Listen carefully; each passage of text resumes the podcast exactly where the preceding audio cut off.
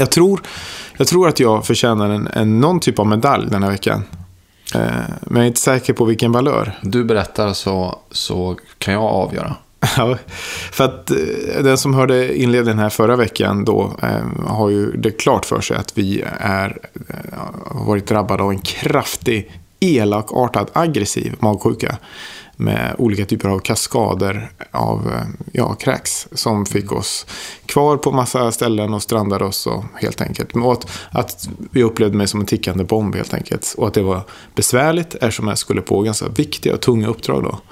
Och det var ju dagen efter vi skulle spela in som jag då skulle åka. Så att jag vaknade där på morgonen tidigt, fem, och skulle ta en taxi till flyget och sådär. Um, och kände mig ändå rätt okej okay, liksom. Det här kan nog gå. Den första panelen kan jag nog klara av. Så landar jag, så får jag första smset från Julia. Jag mår extremt dåligt. Jag är illamående. Och alltså, svart, svetten lackar. Ja, där kom första bomben ju. Ja. Och okej, okay, men det, det Som ska nog gå. knall. Lite, långt ut på slagfältet. Precis, man är inte träffad ju. Det är man inte. Men man känner i kroppen att snart, snart ja. kommer nästa träff i, i, ja. i hjärtat där. Han börjar leta efter en bunker. Men eh, vi klarar oss igenom panelen där. Så får jag nästa sms. Billy kräks. Äldsta dottern. ja, den är ju riktigt hård där. Nära. Och då så kommer det bara en timme senare. Nu kräks jag också, säger Julia. Och då, då, då, är det ju fullt krig. Runt omkring en fortfarande. Mm. Eh, för jag kör på och ska åka vidare till Falun där då och känner mig ändå rätt okej okay i kroppen även fast psyket spelar eh, mycket spratt. Och klarar mig igenom den där eh, kvällen, första föreläsningen, en kvar då och tänker att ja, men det är ändå safe. Och börjar också känna att jag förtjänar en medalj, men just nu är den här typen av medaljen som man får för att man kommer hem från kriget eh, som bara överlevt så att säga. Mm. Alltså man har inte drabbats alls. Tapperhetsmedalj kallas det, vilket ju skulle lika gärna kallas fegismedalj för att man håller sig undan. det känns inte som att du har någon som helst alltså, ja, jag börjar resonera. rätt att uttala dig. Jag börjar resonera. Du har gjort lumpen inför sig. Jag har gjort lumpen. Ja. Och jag börjar tänka också inför det här samtalet vi skulle ha nu, hur jag skulle förklara då mm. att alla har drabbats utom jag. Att ja. jag, antingen då att jag har sånt fantastiskt immunförsvar. Eller mm. att jag har bara hållit mig undan som en fegis. Men, eh, och så kom andra där då föreläsningen och tänkte nu är det bara den här kvar, sen är det liksom hem. Och då eh, körde jag halva, fick faktiskt avbryta mitten för att jag kände nu är det på väg. Jag trodde verkligen. Och jag fick också en psykisk svettningsattack av att nu känner jag den, nu är den. Det kommer komma när jag står här och föreläser. Vad sa du då? När du avbröt? Jag sa bara en sekund så här. Och så gick jag och så tog jag några djupa andetag och lite vatten. Mitt, mitt i en mening eller? Nej, men en det var väl ett skratt eller någonting. Men jag fick, du vet, en sån uppstötning. Du vet, och vart gick du? Nej, men gick till bordet eller någonting som på scenen då. Jag gick inte du hade ut. ett sånt eh, högt ståbord ja. med mineral. Någon Loka som stod där eller? Det var ingen som märkte det. Det var bara jag, det var bara dramatiskt för mig.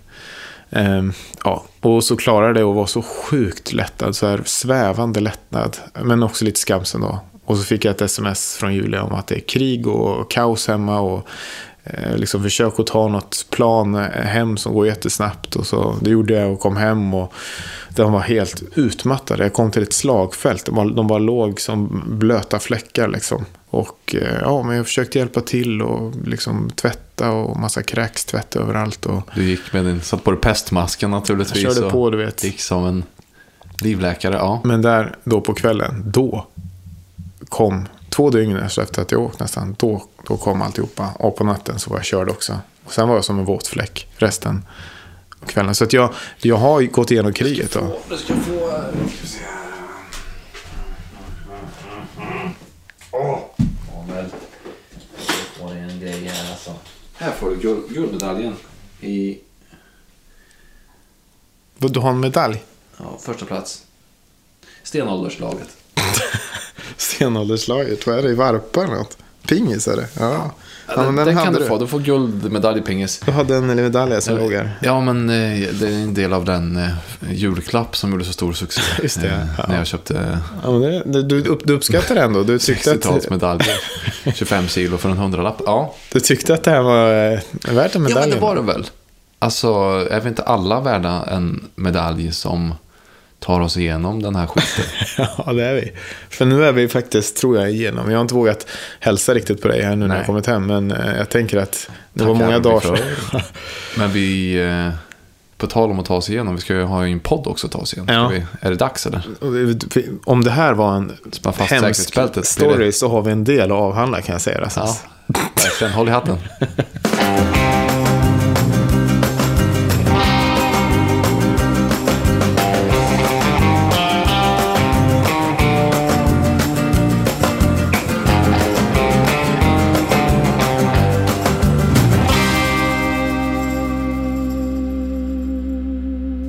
någonting av det som har upplevt den här veckan har varit eh, smärtsamt så är det ingenting mot, Nej, mot det det, du har upplevt. För att, nej, det eh, var något i hästväg alltså.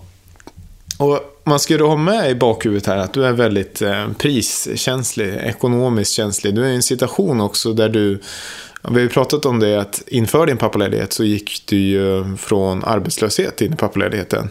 Och du gick därmed ut i arbetslöshet efter pappaledigheten. Och valde att starta ett nytt företag och sådär nu då. Och fick ju fått starta eget bidrag förvisso under den här perioden. Ja, tack, för, tack för den introduktionen. Men without further ado. Välkommen på scen. Rasmus Persson. Starta eget bidrag. Ingen. Ja, visst. Hej på er allesammans. Är det någon mer här som går i företagsdrömmar? Ja, va? Ja, men då kan ni snacka med mig. Men jag tar det därifrån. Så är det va? Jag, jag, Ja, förlåt. jag, eh, visst, visst är det så va? Sen är Ja, men det, det, det, är bara, det är bara att veta det, inför hela den här det är storyn. jättebra, det är jättebra att veta. veta det. det. Det är bra bakgrund att ha. Mm. Och på tal om bakgrund så kan vi börja då i eh, oktober. Mm. För det är ju då jag bestämmer mig för att eh, i år så ska Linda få något riktigt, riktigt fint när hon fyller år. Nu kände jag att det är dags. Och det är inte bara för att hon behöver det, utan det är för att vi behöver det. Vi har liksom inte haft någon samvaro tillsammans utan Alba. Mm. Sen, ja men vi, vi blev gravida får man väl säga på ett sätt. För att då, alltså Alba var ju med då också på, på ett sätt under graviditeten ju. Mm. Eh, sås ett litet frö av en het, febrig dröm hos mig. Nu ska det bli åka av. Det ska Jag- bli jag- extravagant. Jag ringer till Lindas mamma och kollar om hon kan vara barnvakt. En överraskningshelg. Mm. En weekendresa. Mm. Till någon eh, spännande storstad i Europa med lite puls. Mm. Ja, och jag, jag bestämmer mig för att det ska vara Prag. Mm. Så jag bokar det då. Någon månad senare så kommer Linda hem väldigt själaglad och berättar att hon ska få åka på Radio Days i Wien i Österrike. Den helgen då som jag just hade bokat den där resan till Prag va. Just det. Jaha, ja okej. Tråkigt. Hon visste inte om det då, för det var en överraskning. Ja, precis. Det kunde inte hon veta. Men så att den brann ju inne, den resan då. Men upp och hoppa Persson för fasen. Nya tag. För du hade köpt tag. den. Det var... Ja, ja visst. Den, ja, den, visst. den, den bara brann inne Nej, helt. nej, nej. Det gick inte att boka av den. nej, nej. Utan den eh, brann inne, ja. Jaha. Så då tänkte jag, nu tar vi nya tag här. Åh, nu ska vi boka något riktigt gott. Budapest. Hur låter det? Fantastiskt. I slutet av mars. Ja. Så helgen efter då bestämde jag att nej men då kör vi då. Eh, jag kollade med svärmor igen, hon kunde och ja ah, men gud vad bra. Mm. Och det var ju helgen då. Som det var. Ja, och vi hade precis. ju sett fram emot det här så himla mycket. Men på fredagen då inser Linda att eh, hennes pass är utgånget. Mm. Just det. Och det här är ju inte bra. Så hon måste snabbt ner till eh, passexpeditionen, hitta ett, eh, försöka få tag på ett tillfälligt pass då och så vidare. Så ringer hon till mig därifrån och säger att hon behöver flygbiljetterna för att kunna få ut passet. Så jag skickar dem till henne. Och då ringer hon tillbaka och säger Vad i helvete är det här? Vadå, vadå? Ja men planet lyfter ju idag. Va? Ja det lyfter om någon timme. Okej. Och då är det som att stå på, precis på toppen av ett berg som plötsligt vänds upp och ner eller något. Jag, jag vet inte, det var, en, det var en kuslig känsla som jag aldrig har upplevt förut. Alltså den här drömmen som jag haft då, Ja. sex månader, och längtat efter. Jag insåg att det här rycks ur mina händer just nu. För jag kan inte åka idag.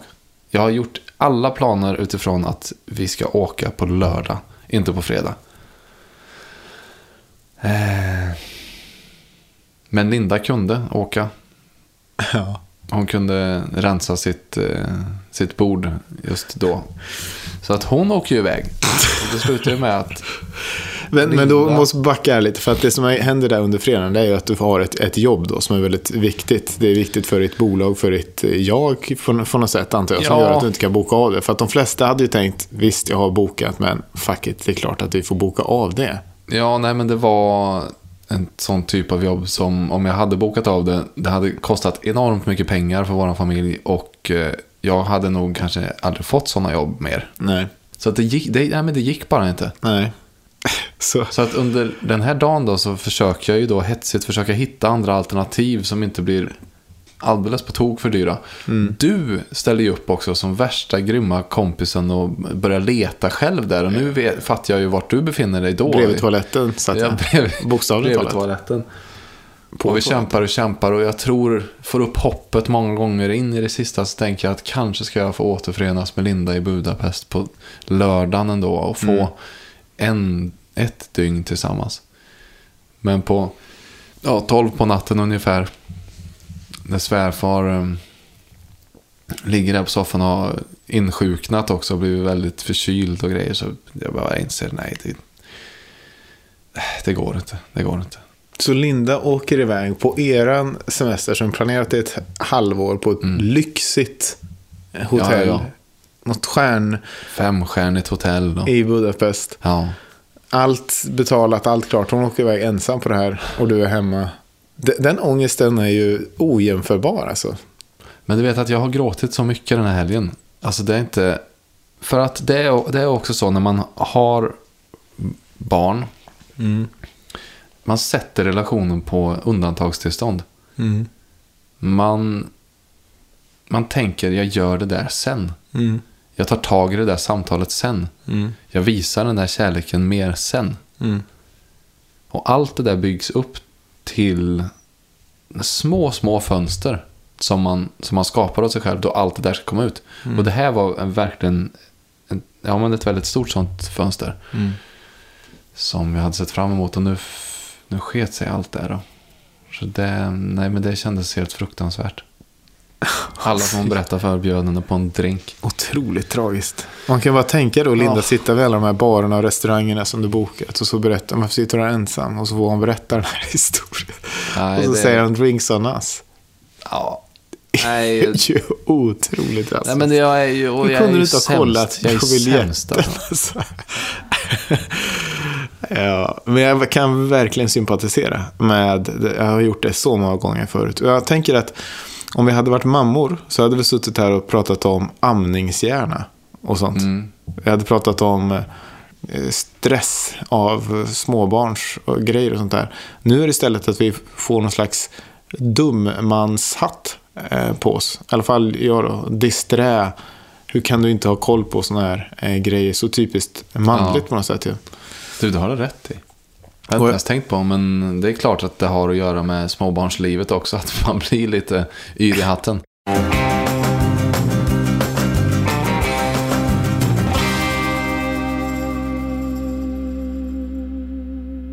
Jag vet inte om du känt av den eh, stressen som, som jag har börjat eh, känna kring eh, kaffet hemma. Att, att, att man inte får lämna någonting. Att det blivit en tvångstanke nästan. Oh ja, oh ja. Det är såklart för att vi har pratat mycket om, om Löfbergs och Kaffeslatte-kampanjen. Som ju, de är ju en partner här i podden.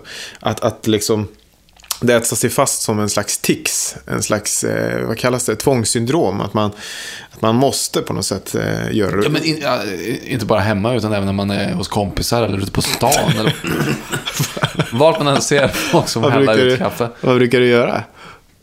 Eller när du ser någon... Inte, Stopp.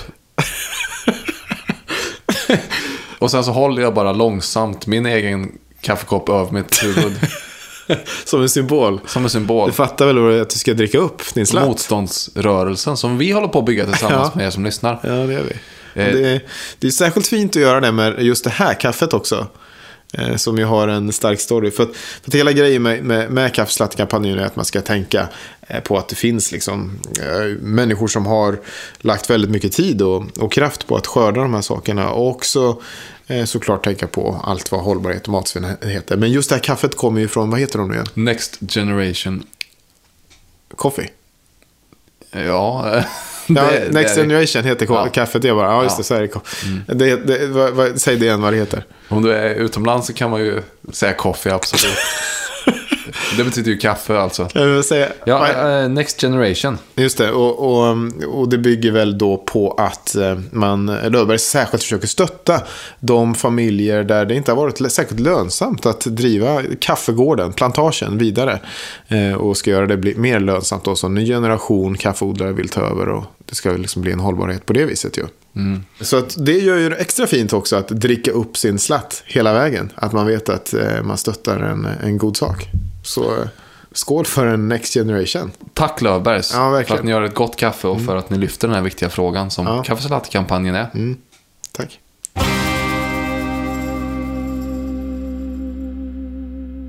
Vi hade ju ett uppdrag förra veckan också, eller ett faderskapstest ska man väl säga.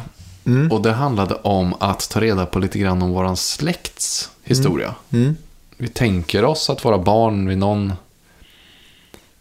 vid något tillfälle under uppväxten kommer ställa den frågan till oss. Mm. Hur ser min släkt ut? Hur ser din släkt ut? Ehm, och vi hade inget riktigt bra svar på den frågan. Så att eh, den här veckan så har vi försökt ta reda då på ja, men, ta reda på lite information helt enkelt. Så att vi kan svara på den frågan när våra barn ställer den en gång. Precis. Det har ju varit väldigt givande, får jag säga. Ja, Att eh, ta de här samtalen då till äldre delar av, eh, av släkten. mm. Eh, men vill du börja eller?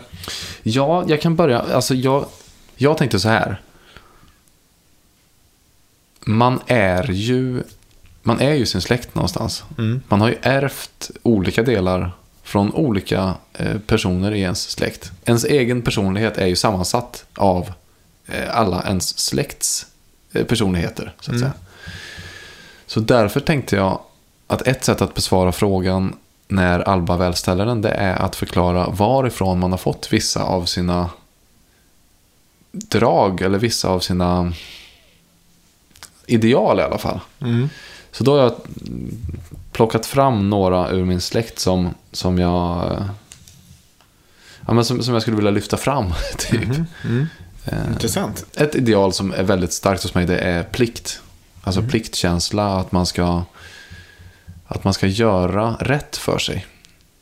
Och där har jag en hjälte i min släkt och det är min farfar Hilbert.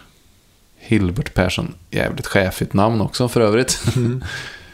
Men han var en sån här gubbe som eh, han jobbade på Järla hela sitt liv. Som det heter i Munkfors då, stålverket. Och eh, älskade att fiska och älskade att eh, plocka hjortron och plocka lingon och vara ute i skogen. Gillade han mycket. Minns hur hans rakvatten luktade.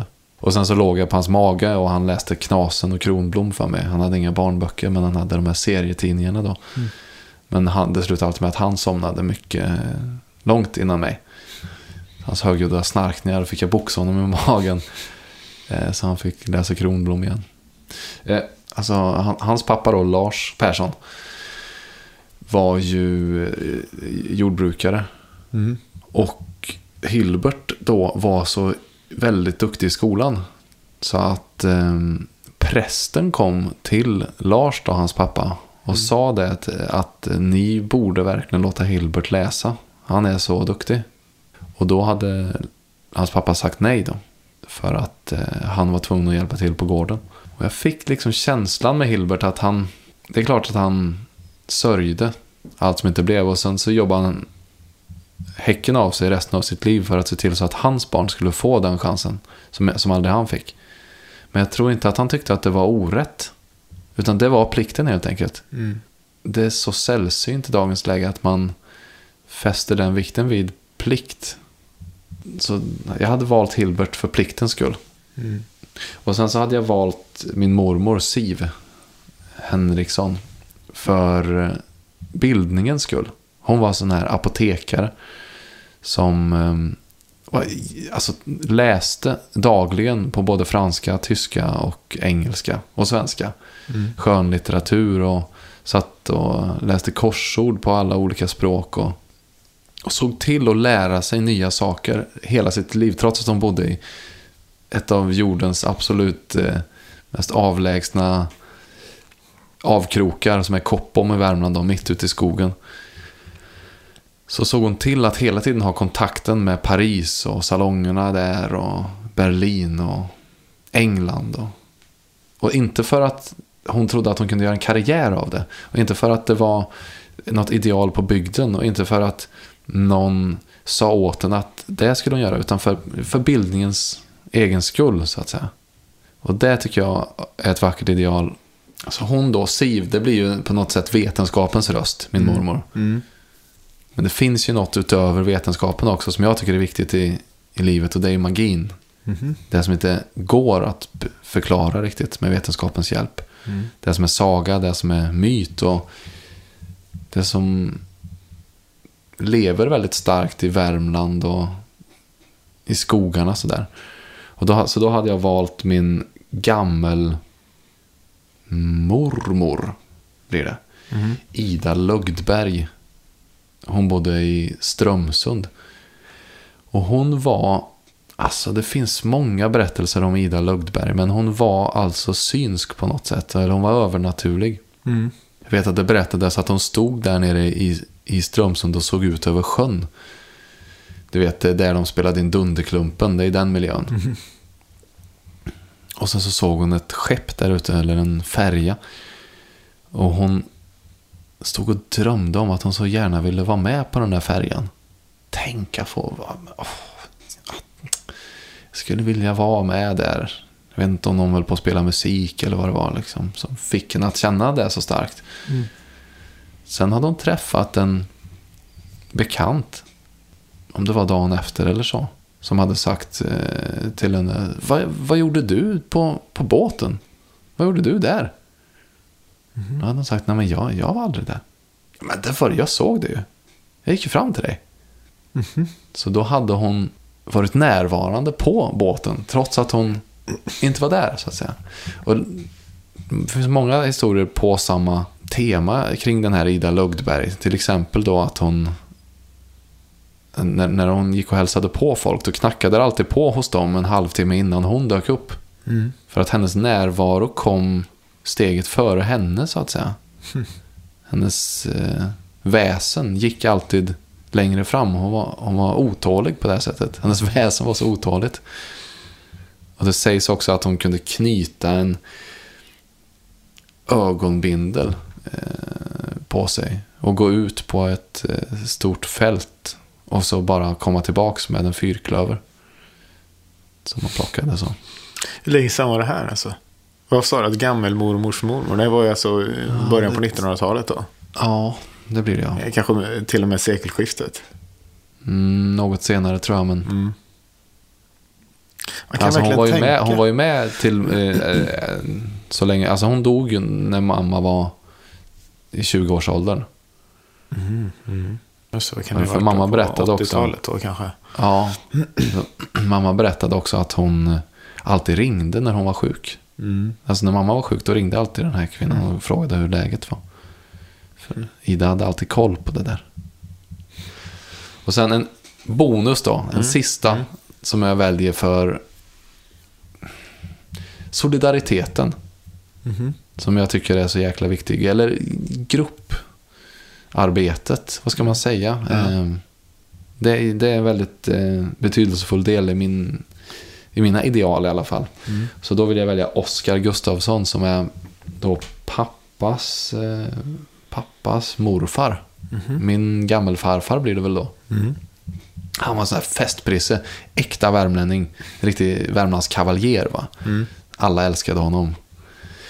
Eh, och han var också väldigt engagerad i att starta upp eh, fackliga verksamheten i Munkfors. Mm. Han var en klassisk blåklädersjobbare som startade den här eh, fackliga verksamheten i Munkfors helt enkelt.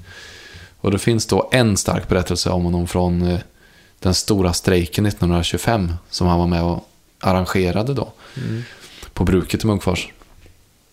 Och den där strejken den drog ut på tiden. Den var väldigt eh, hård.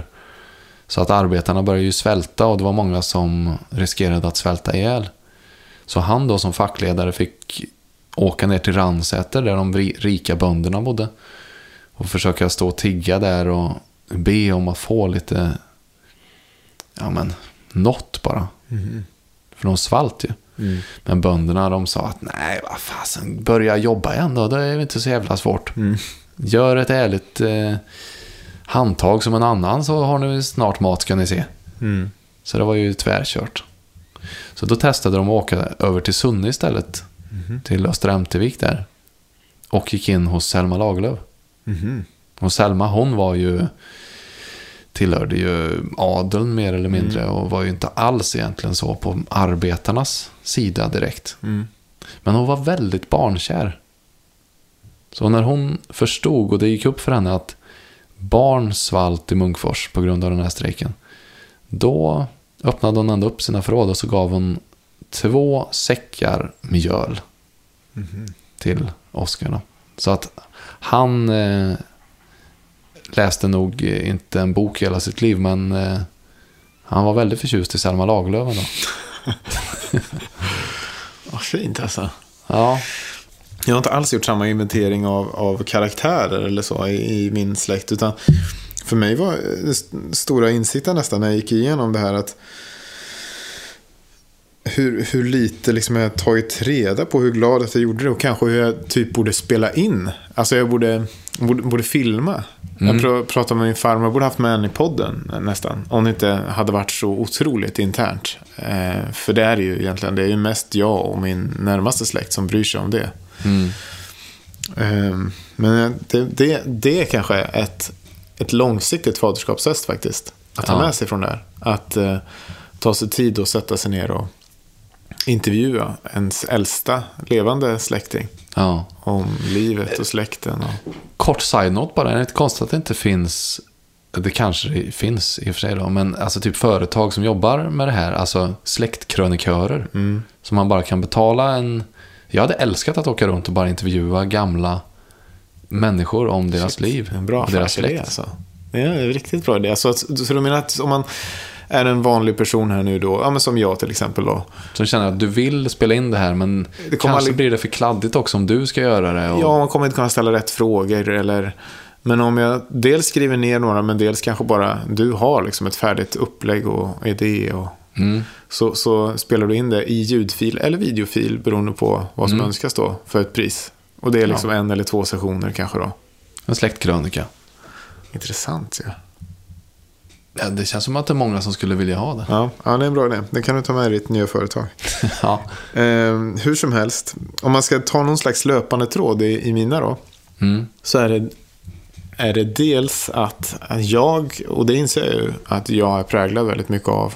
Som kanske kommer vidare med. Men jag vet inte, det kanske står i konflikt också. Dels är det arbetar, alltså alla är arbetare. Arbetarrörelsen och arbetare framförallt. Alltså är- det är så sjukt präglat. Och det är inte såklart inte så konstigt kanske längre tillbaka. För då var väl majoriteten arbetare. Men det är liksom, det är riktiga. På farfars sida så är det, ja farfar var ju, jobbade på mejeri, han jobbade på alla möjliga sådana här eh, tunglyftande grejer. Och, och hans pappa var, hade en egen smed. Eller vad, vad he- vad heter det? Smedja säger man va?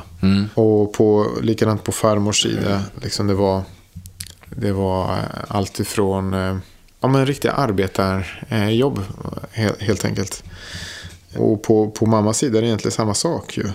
Min mormor var sömmerska i Borås. Hon jobbade på massa olika fabriker. Och eh, Morfar var vägarbetare på kommunalt. Och innan det var han timmerman och så vidare. Längre upp liksom och, och, och, och de grejerna. Så de, det såklart har varit tydligt för mig också. Men när jag fick liksom uppradat alla, alla yrken så, där, så blir det, blir det så tydligt för mig. Och den andra röda tråden då är ju såklart religionen. Som ju är jätte, jätte pr- präglad. Eller min släkt. Den är det alltså? Ja. På bägge sidor? Ja, fast på väldigt olika sätt då. På min farmors sida då, det är väl det mest chockerande egentligen. Att, eh, där är vi, Vi är ju, jag har ju rötter i Frälsningsarmén då. Farmors, jag tror att det blir gammelmormor, är en av de första frälsningssoldaterna då i Sverige. Så det innebär att Oj. jag, min tur då, sjätte generationen räknade vi till då. Känner du bördan då på något sätt att Verkligen du ska inte. äh, leva upp som, som frälsningssoldat? Nej, det gör jag inte. Jo, det...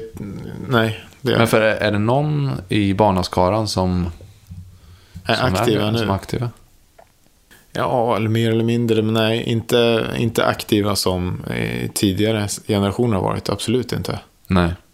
Eh, För mina föräldrar är ju då, de är ju officerare som det heter, i Frälsningsarmén, och past, präster, pastorer i det. Mm. Och det har ju också min farfar varit. Han gick från den här mejeritjänsten då till att bli eh, frälst. Till att ta värvning så att säga i Frälsningsarmén, alltså bli officer.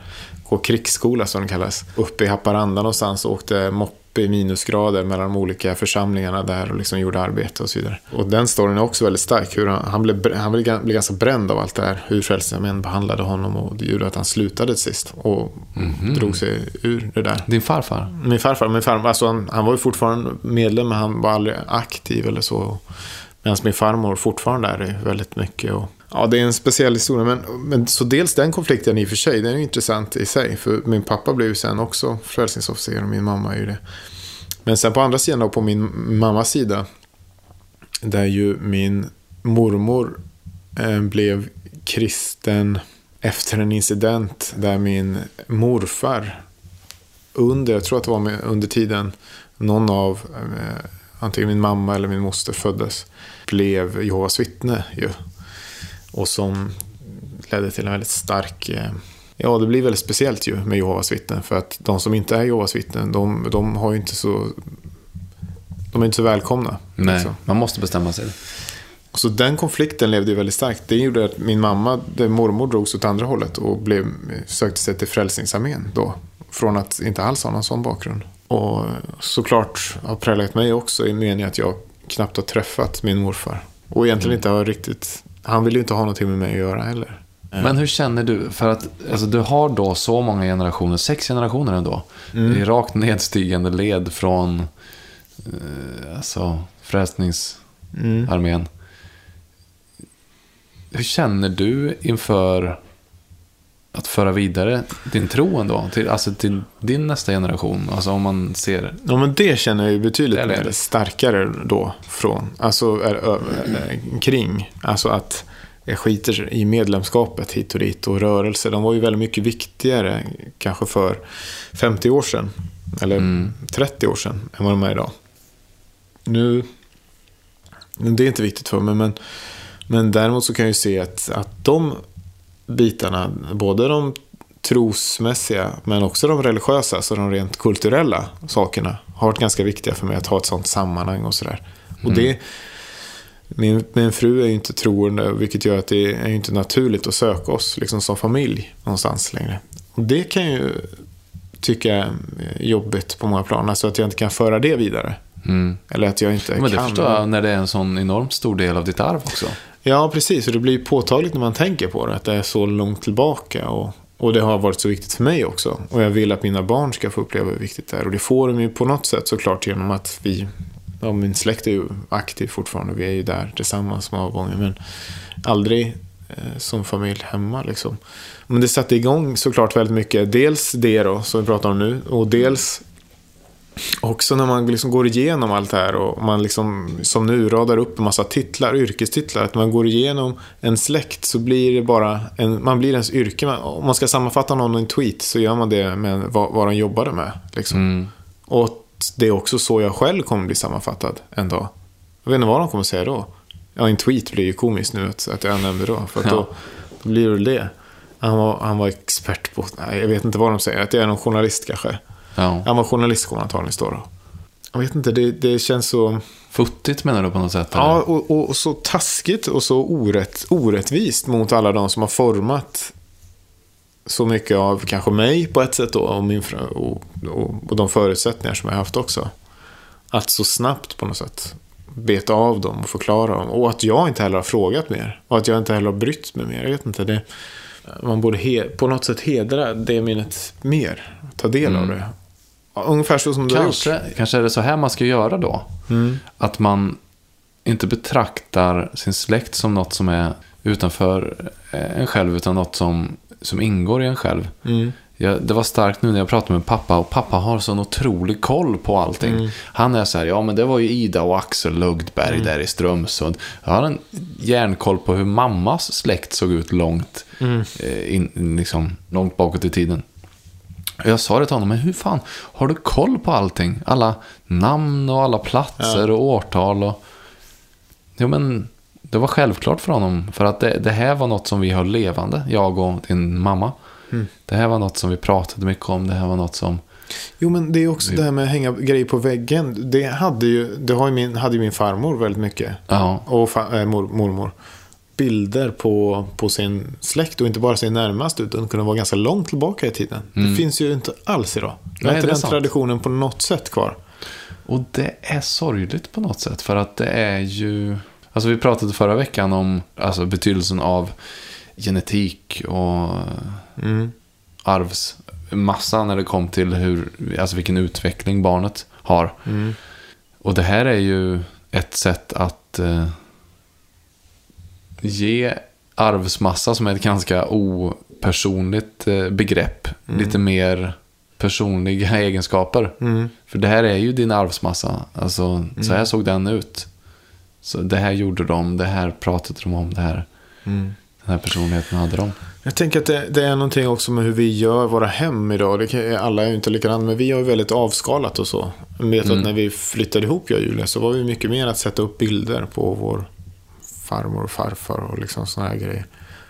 Men vi, det, det, nu, nu så är det ju ja, mer rent. Vitt och fräscht. Men, men att det borde vara... Att det kanske kommer med åldern. Men jag tänker att jag skulle vilja bygga någon typ av vägg någonstans. En släktvägg. Ja.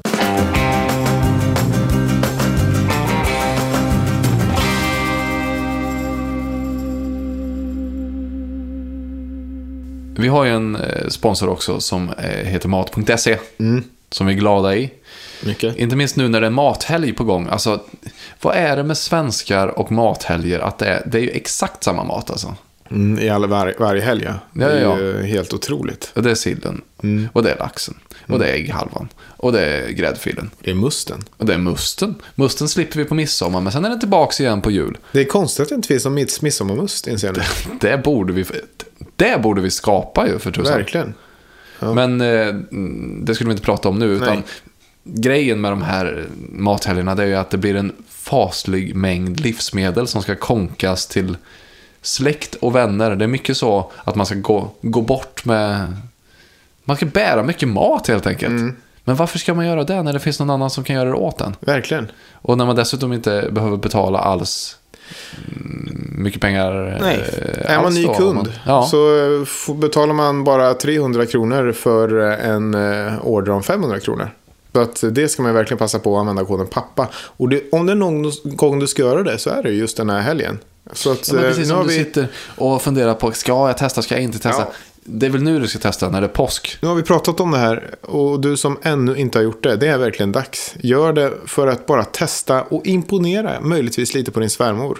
Vad är det här för tokigheter nu kommer in? Du kan till och med tajma det så att det är under ett pass, lucka, där du vet att din svärmor är hemma till exempel.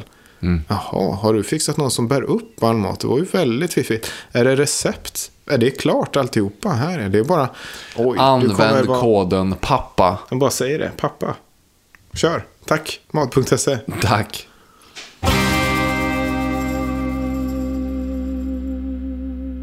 Ja, men du, jag, jag tror vi måste helt enkelt slå igen den här, här lilla boken. Vi har pratat länge. Mm, har gjort. Och det är väl eh, helt okej att göra det. det. Det har varit böljande fram och tillbaka som sagt. Eh, och eh, det blir ju så. Det är roligt. Det här är vår terapistund. Eh, och förhoppningsvis, eller uppenbarligen är det många andra också. Vi uppskattar att ni lyssnar. Helt fantastiskt. Fortsätt med det och följ oss gärna på Facebook. Där heter vi Faderskapstestet Pappagruppen. På Instagram. Vi ska steppa upp det här gamet har vi sagt. Lägga ut lite mera sköjiga klipp och grejer. Och kanske lite mer från vårt eget liv tror jag. Ja, det är dags att öppna upp den dörren nu lite mm. mer. Öppna oss själva. Ja, mm. faderskapstestet heter vi där. Eh, och hör gärna av er. Gör det. Mm. Vi ses och hörs igen nästa vecka. Hej.